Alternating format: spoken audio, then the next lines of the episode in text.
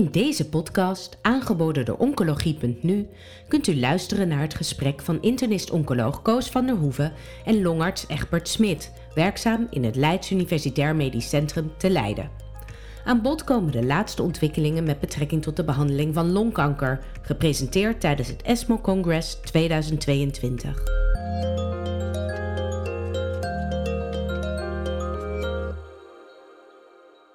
ESMO 2022 Parijs. Uh, weer heel veel voordrachten en posters over longkanker. En ik ga daarover spreken met professor Egbert Smit. Hij is sinds een jaar is die, uh, hoofd van de afdeling longgeneeskunde in het LUMC. En heeft ook nog een kleine aanstelling in het Antonie van Leeuwenhoekhuis. Welkom, Egbert. Dankjewel, Koos. Uh, laat ik met, uh, met een, een, duidelijke vraag beginnen. Waren de practice-changing mededelingen bij de ESMO over longkanker? Uh, ik denk dat je. Nee. Nee. Ik denk dat je aan, de, aan, de, aan mijn twijfel dat dat waarschijnlijk niet zo is. ik denk wel dat er um, belangrijke fase 3 studies uitgelezen zijn, maar of die direct practice-changing zijn, dat weet ik niet. Maar ze ondersteunen.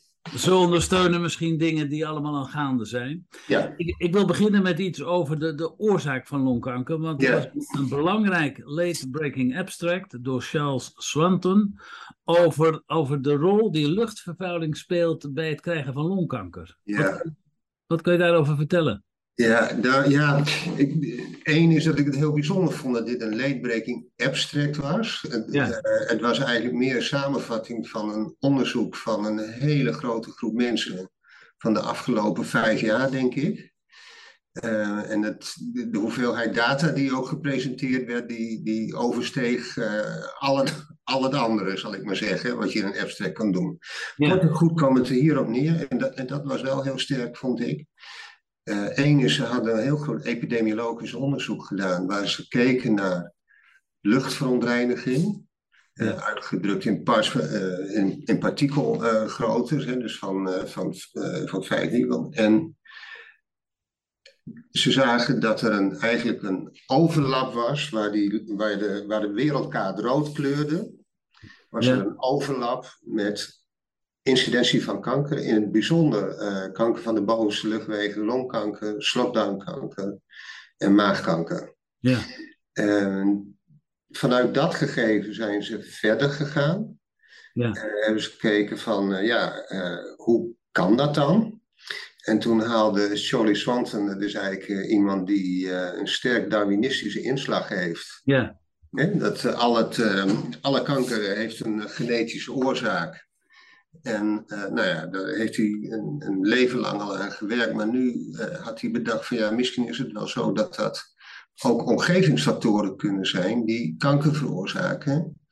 En hoe zit dat dan? En toen, ehm, nou, de, eerste belangrijke bevinding was, en ik dacht dat dat eh, onderzoek was wat al een tijdje geleden door mensen van het Crick Instituut is naar boven is gekomen, is dat in het normale weefsel, althans niet kanker, zitten ook een heleboel cellen die al oncogene mutaties hebben, Ja. maar die nog niet uitgroeien tot kanker. Nou, Ja. dat heeft hij voor luchtwegen heeft hij dat ook aannemelijk gemaakt dat dat zo is. En dus we zitten bij gezonde mensen die hebben ehm, cellen in hun luchtwegen die ehm, alle EGFR-mutaties hebben, want daar heeft hij zich op geconcentreerd. Ja. En toen was natuurlijk de vraag van ja, maar als je dan luchtverontreiniging toevoegt, Ja. krijg je dan ook kanker? Nou, dat heeft hij in een muizenmodel gedaan.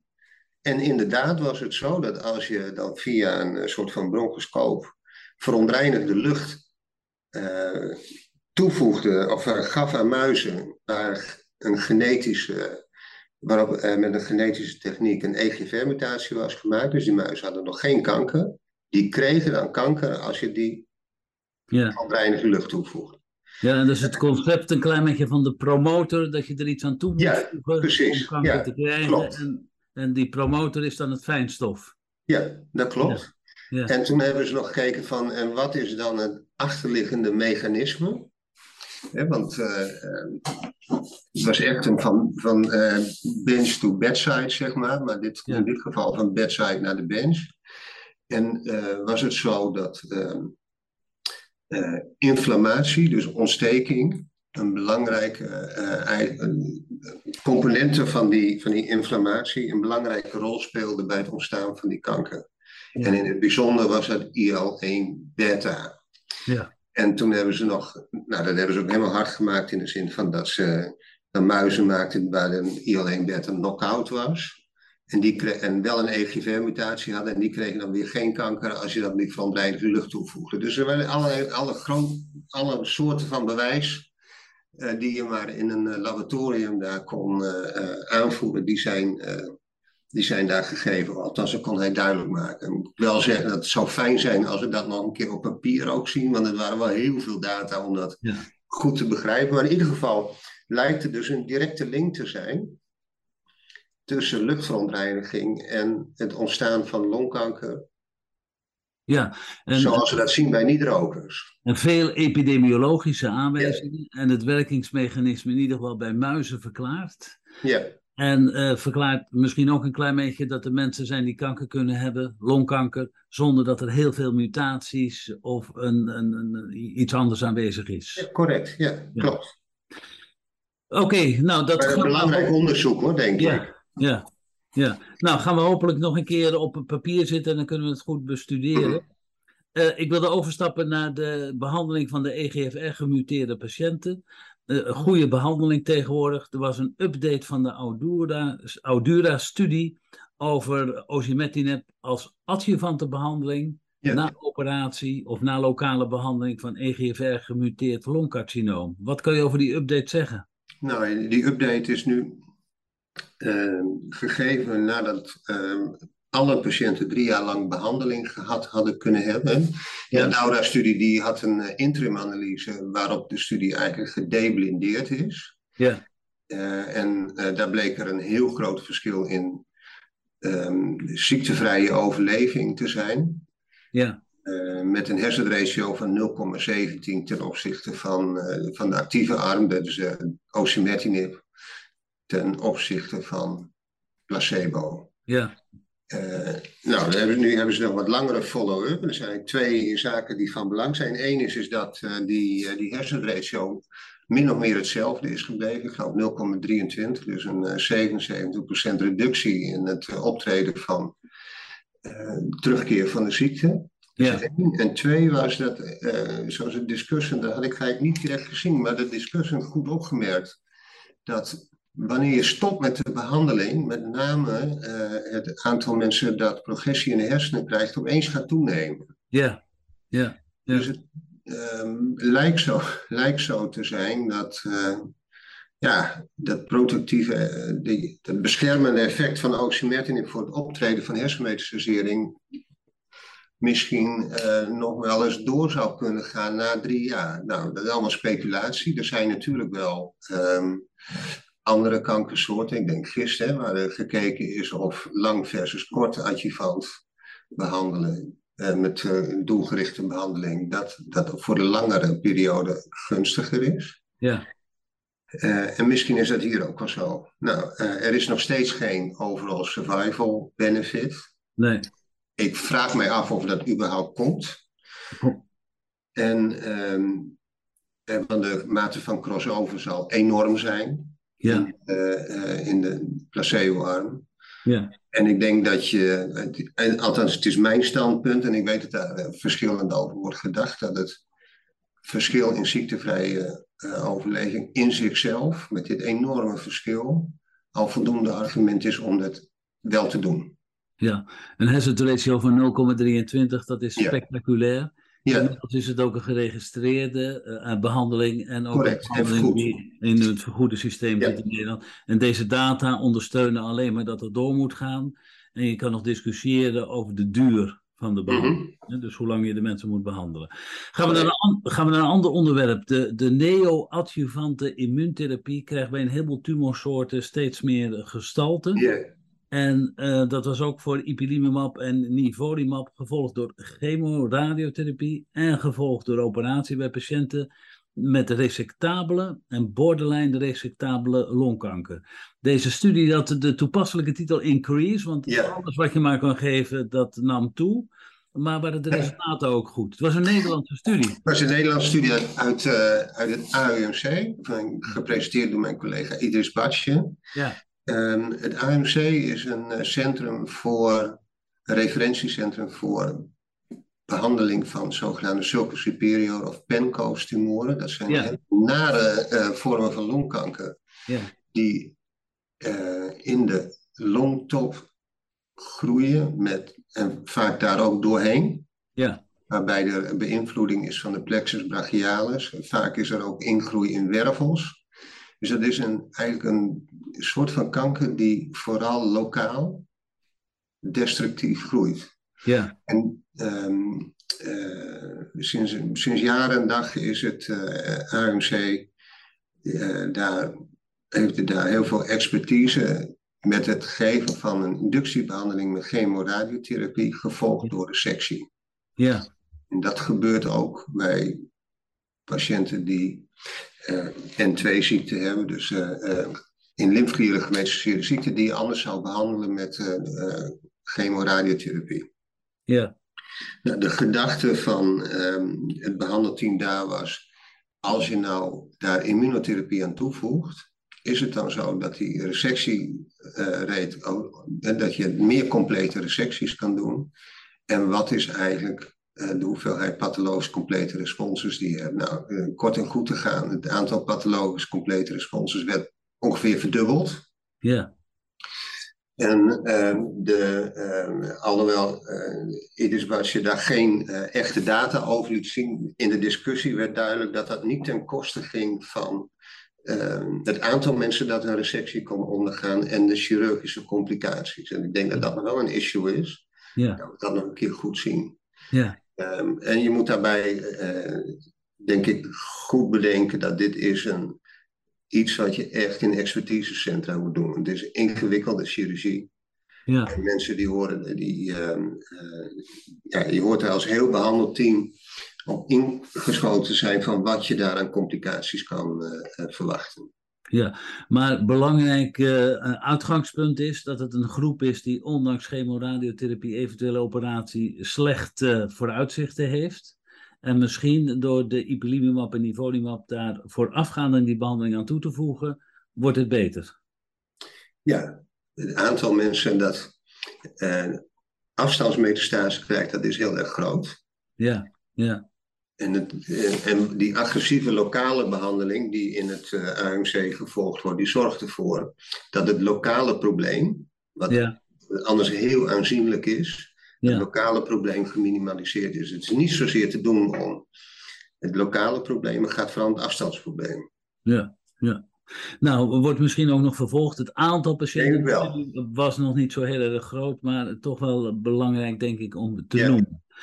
Uh, een, een, een, medicament waar heel veel belangstelling voor is bij een heel aantal tumorsoorten is het antibody-drug conjugaat trastuzumab deruxtecan, deruxtecan, bij patiënten die enige vorm van HER2-expressie hebben. En ook bij het longcarcinoom wordt dit toegepast. Als dat bij longkanker wordt toegepast, gaat dat dan, uh, bij, moet je dan een heel klein beetje HER2-expressie hebben of moet je een overexpressie hebben? Uh, nou, uh, vooralsnog is het enkel geregistreerd bij mensen die een HER2-mutatie hebben. Ja. Uh, en de mate van expressie maakt er niet zoveel uit. Nee, nee. Blijkt uit de registratiestudie die um, vorig jaar op ESMO is gepresenteerd door uh, Bob Lee uit Memorial Sloan Kettering. Ja. Um, het groot verschil met met de ervaring bij het mammacarcinoom, waar denk ik de, daarnaast de meeste ervaring is, ja. is dat de dosering die gebruikt wordt bij longkanker, die is hoger dan die bij het mammacarcinoom. Ja. 6,4 milligram per kilogram versus 5,4 milligram per kilogram. Ja. Waarschijnlijk de prijs die daarvoor betaald wordt, uh, is dat je bij longkanker meer interstitiële longziekte krijgt als uiting van bijwerking van dit medicament. Ja. En op deze um, ESMO uh, presenteerde Goto, een uh, Japanse onderzoeker, uh, data van een, een interim-analyse van een gerandomiseerde studie, waarin die lage dosis 5,4 milligram werd vergeleken met de hoge dosis 6,4 milligram. Ja. En het in, bij mensen dus met een HER2-mutatie. Ja. Uh, en het interessante was dus dat de, uh, in die in klein aantal patiënten, ik geloof 52 in de 5,4 en 28 in de 6,4 milligram per kilogram.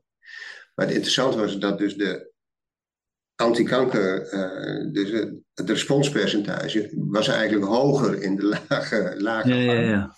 Ja. Maar het aantal mensen dat interstitiële longziekte kreeg, dat uh, nam af van 14 naar 4 procent. Ja.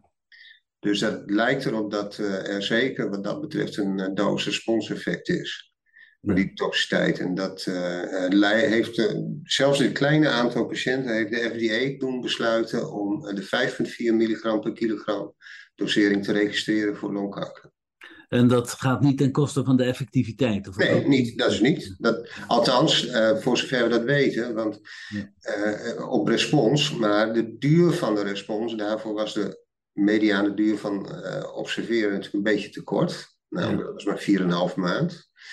En de duur van de respons in de fase 2-studie was iets van 8 of 9 maanden, als ik me niet vergis. Even voor de dat is de enige slag om de arm nog. Ja, voor de goede orde, we spreken over de Destiny Lung 02 Twee, ja. studie. En het gaat om HER2 gemuteerde patiënten. Correct. Weet je of er ook studies gedaan worden waarbij alleen naar expressie van HER2 gekeken Ja. wordt? Ja, daar eh, was ook een poster op, waar eh, ondergetekende eh, de eerste auteur was op eh, ESMO. Eh, daar is eigenlijk hetzelfde gebeurd. Er zijn twee cohorten ehm, zijn daar behandeld met mensen die overexpressie van HER2 hadden. En dan overexpressie volgens het gemeten volgens het maagcarcinoom-algoritme. Ja. Ik denk dat dat wel belangrijk is om te zeggen, want dat is in borstkankertermen nog steeds hele lage expressie. Ja. en daar bleek dat het responspercentage is ongeveer 25%. Ja.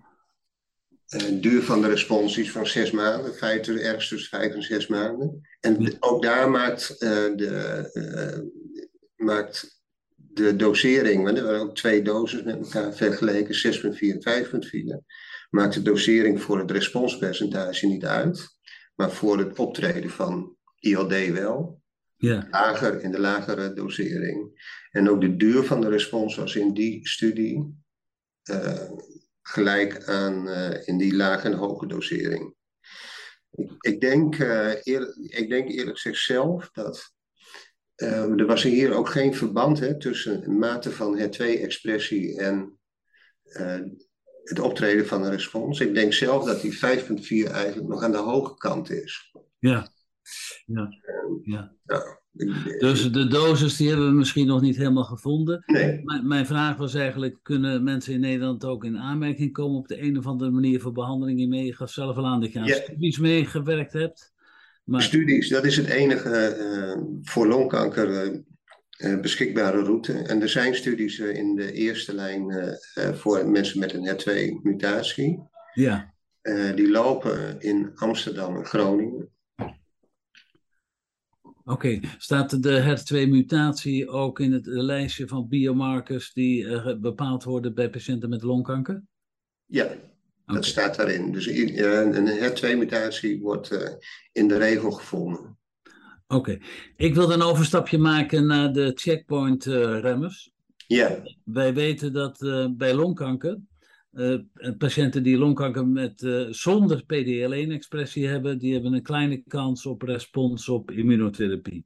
mhm. En dan is er een monoclonaal antilichaam dat zowel anti-PD1 als anti-CTLA4 activiteit heeft. Ja. Als, eh, als codenaam MEDIS, eh, MEDI 5752 gekregen. ja.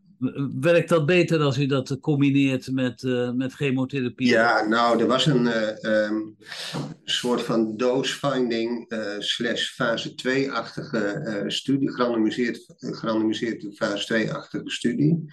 En daarin lijkt dat, ehm, eh, nou, de dosering waar ze eerst op waren gegaan, 1500 milligram van Medi 527, geloof ik, dat het heeft, hè? Ja. Eh, dat dat eh, eigenlijk te toxisch was en dat ze de helft van die dosering konden gebruiken in combinatie met carboplatin en pemetrexed. Ja.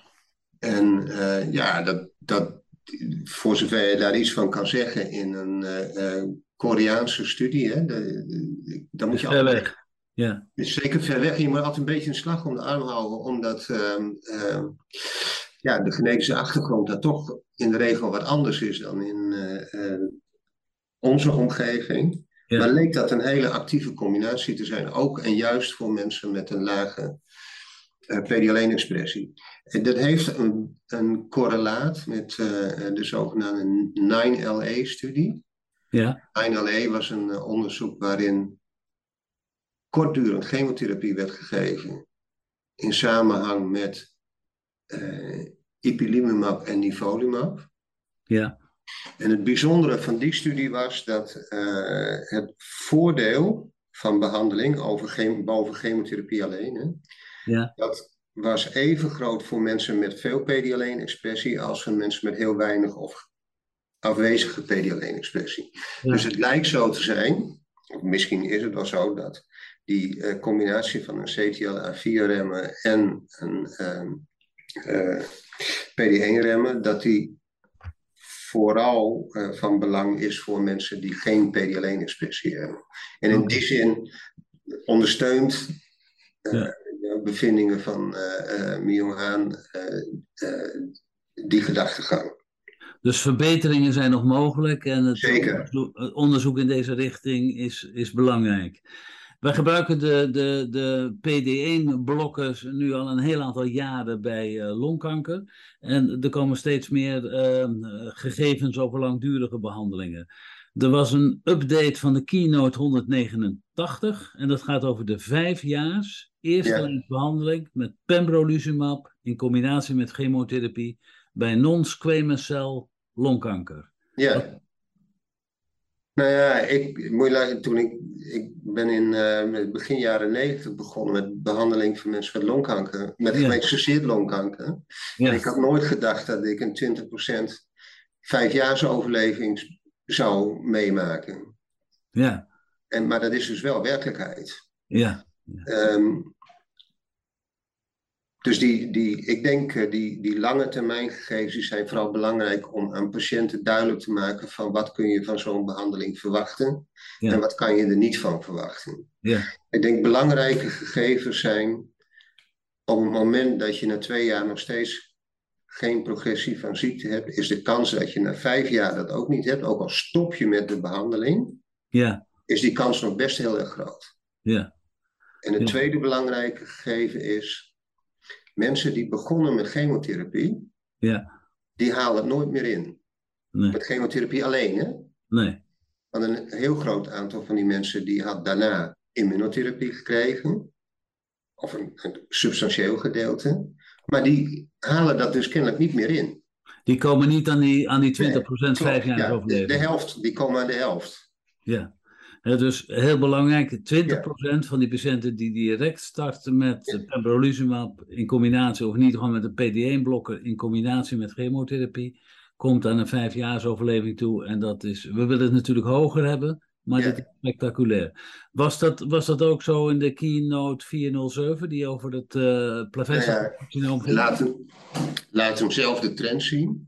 Alleen uh, het aantal mensen dat na vijf... Dat was een studie die werd gedaan bij patiënten met een planocellulair carcinoom. Ja. We weten dat uh, alle gegevens uh, die in de literatuur zijn, die duiden erop dat mensen met een planocellulair carcinoom, maakt niet uit wat je doet, maar een slechtere prognose hebben. Ja. Dat, dat, blijkt hier ook met immunotherapie is dat dus zo.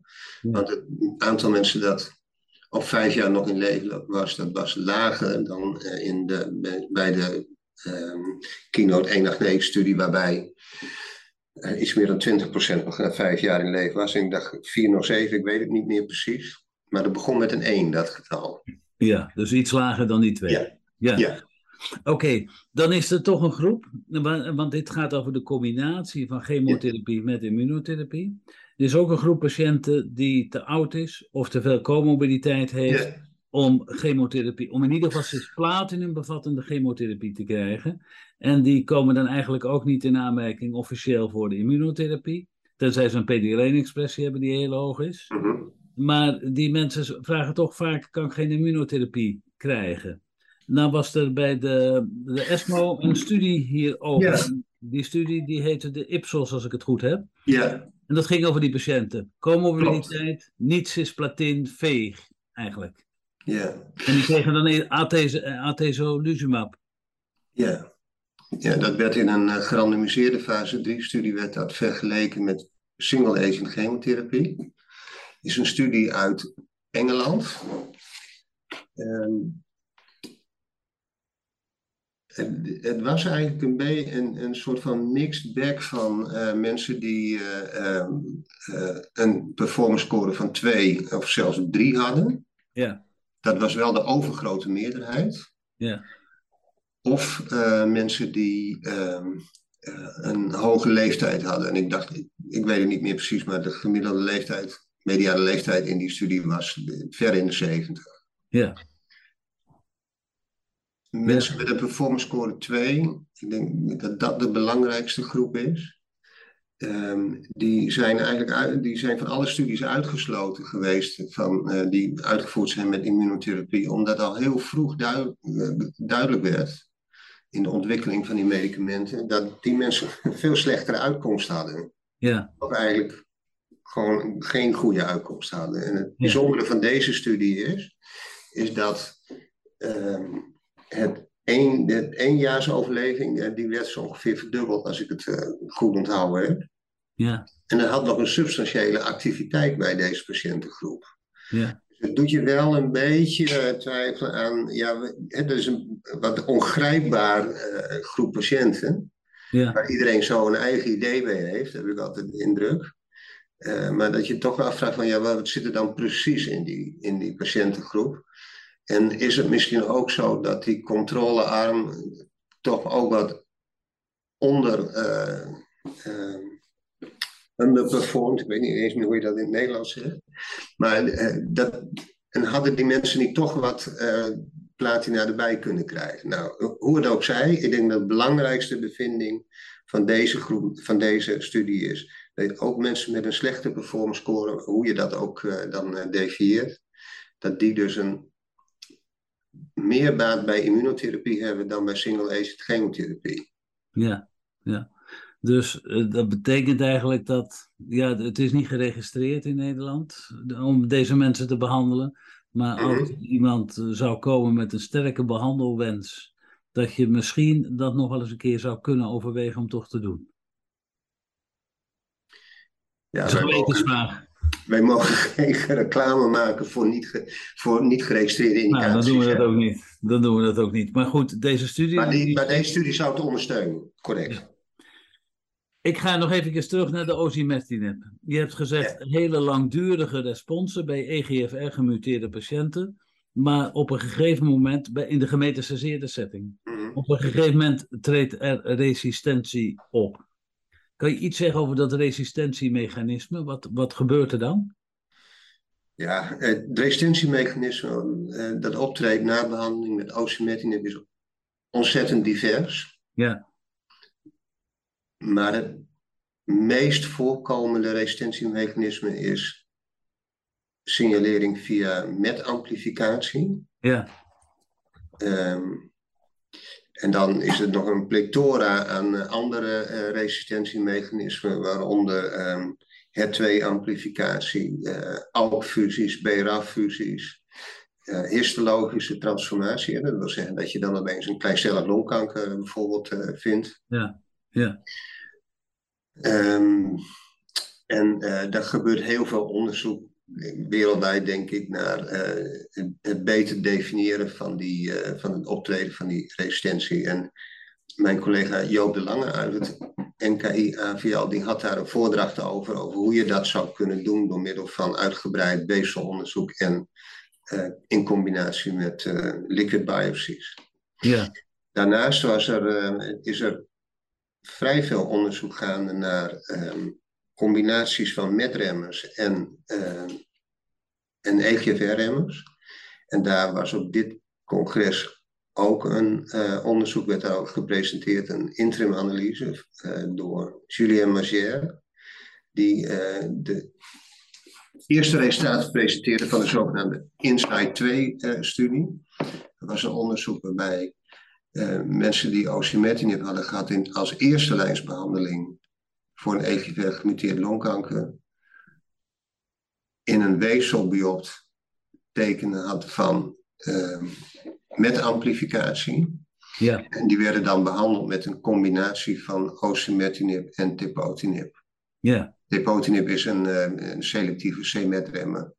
Ja. Die studie liet zien dat er um, een beetje gecompliceerd eindpunt is daar gekozen. De objectieve responsrate, maar dan negen maanden, uh, negen maanden na start van de behandeling. Dus er werd ja. gekeken naar langdurige responsen. En in de 22 patiënten van de kleine 120 die, of kleine 100 die er werden uh, ingesloten in de studie, 22 hadden 9 maanden follow-up. En ja. daar was de uh, objectieve responsrate 55% Ja, ja. En, en na drie maanden was het ook al 55% Dus de kans is heel groot dat inderdaad die responses heel lang zullen zijn. Wat bijzonder is, is dat er werd ook eerst een clubje mensen uh, geïncludeerd die alleen met tepotinib werden behandeld. Ja. En daar was de responsrate uh, bijna nul. Ja, dus dat zou ervoor pleiten, maar het is nog heel erg vroeg. Ja, dat was de progressie, progressie ja. optreden op een EGFR-remmer. En als dat komt door een metamplificatie, dat je dan niet alleen dat met moet remmen, maar dat je door moet gaan met het blokkeren van de EGFR. Correct. Ja, maar allemaal nog heel erg vroeg. Uh, nou echt... ja, wil je luisteren. Uh, er zijn uh, meer studies gedaan met metremmers, bijvoorbeeld ja. in combinatie met osimertinib, zoals savolitinib en capmatinib. Ja. In combinatie met osi. En die laten eigenlijk precies hetzelfde zien. Ja. Dus dat is een hele waardevolle combinatie. Alleen ja, het gaat er nu om ja, welke is dan het meest actief, wie heeft de minste bijwerking. Ja. Ik denk, dat dat, ik denk niet dat je daar nog snel onderuit kan om dit te gaan doen. En, en te combineren. Ja, te combineren, ja, correct. Egbert, we hebben een heleboel dingen besproken. Zo is het. Zijn er, zijn er nog dingen waarvan je zegt, nou, dat zou ik echt nog verteld willen hebben over... Nou ja, ik denk, uh, belang, een van de belangrijkste fase 3-studies die werd gepresenteerd, was die van sotorasib bij mensen met een KRAS G12C ja. mutatie in de Ja. tweede lijn. Die, ehm, eh, dat werd vergeleken met docetaxel. Dat was een, is een eigenlijk standard of care ehm, tweede lijns behandeling. In een aanzienlijke groep eh, patiënten, iets meer dan 300. Ehm, en die studie die was positief. Ja, Eh, dus de hersenratio was eh, 0,66. Nou, niet onbelangrijk eh, voor de Pascal-criteria. ja, voldoende, voldoet. Ehm, maar het, de puntschatter op de mediaan was ehm 1,1 maand. Hè? Ja, Dus eh, 5,6 versus 4,5 maanden. En de studie was niet gepowerd meer eh, na aanpassing eh, door de Amerikaanse registratieautoriteiten van het studiedesign. Was niet gepowerd voor survival. ja, Ik denk dat er een aantal belangrijke observaties in die studie zijn gedaan. Eén is dat sotorasib heeft dus aanzienlijke en betere activiteit tegen KRAS G12C ge, ehm, gemuteerd longkanker in de tweede lijn. Dus een bevestiging eigenlijk van de fase 2 studies. ja, Ik denk, ja, als je van fase 2 naar fase 3 gaat, dan altijd wat slechter hè, als het gaat Ja. over responsrate en overleving. Dus ik vond dat daar de discussant, eh, die ik overigens zeer respecteer, Natasja Leeuw, dat die deed daar wel wat, eh, nou, die vond ik daar wat minachtend over doen. Zo van, ja, dat was toch eigenlijk allemaal veel slechter dan we hadden verwacht, et cetera. Dat, was ik eigenlijk niet zo met haar eens. Eh, dat is één. En twee is dat ehm, het is niet een middel zonder bijwerkingen. Het aantal mensen wat daar ehm, last van diarree hadden, was heel erg groot, vond ik, hoog, vond ik. En ook graag drie diarree, nou, dat is gewoon niet te doen. En eerlijk gezegd hoop ik dat daar eh, de. eh, eh, er gaat iets gebeuren met de dosering van dit medicament waarschijnlijk. veel lager dan dat we nu gegeven hebben, tot wel een, een kwart van de dosering. En het derde punt wat belangrijk is, is dat er waren heel veel, recent vrij veel ehm, ehm, veel hepatotoxiciteit werd er gezien Ja, bij patiënten die eerst waren behandeld met immunotherapie. ja, En als je kijkt naar, ja, maar wat is dan de incidentie van de eh, graad 3, 4 eh levertoxiciteit, dan was dat ongeveer 10%. Dat is natuurlijk nog steeds niet niks. nee, Maar het geeft wel aan dat met alle voorzorgen die je daarbij kan bedenken, dat het wel mogelijk is om dit medicament te geven in tweede lijn. Ook al heb je daarvoor immunotherapie gehad. ja, ja, ja. Voor jou een bevestiging eh, dat, dat het werkt. Ja. Ook in de fase 3-studie, alhoewel het wat minder was dan in de Ja. fase 2-studie die al tot registratie geleid heeft. Ja. Maar je hebt daar toch wel enige nuancering bij en jij vindt het toch wel een waardevol middel om met patiënten in ieder geval te bespreken als ze deze KRAS-mutatie Zeker. En, maar ik denk dat de kans dat dit middel. Kijk, dit is geen osimertinib of salpacatinib. Of weet Nee. je, dat is het niet. Dus dit gaat vast in combinaties ingezet worden. En daar gebeurt ook al een heleboel onderzoek naar. Ja. Dus ik denk dat. eh, maar aan de andere kant is het goed om te weten dat dit eh, een goede single-agent activiteit heeft. Ja, nou, dat is eh, mooi, mooi materiaal voor de toekomstige congressen. Dat denk ik. Ik hoop dat ik volgende keer wederom een gesprek met je daarover kan hebben. Voor dit Dat, moment dat erg bedankt. aan van wel. Wat zeg Oké, je? voor dit moment erg bedankt. Jo, jij ook bedankt. Tot de volgende keer. Dag. Oké, dag. Bent u geïnteresseerd in meer podcasts? Deze zijn te vinden op de website www.oncologie.nu. Heeft u zelf een onderwerp of onderzoek dat besproken kan worden in een podcast? Mail het naar info.uitgeverij-jaap.nl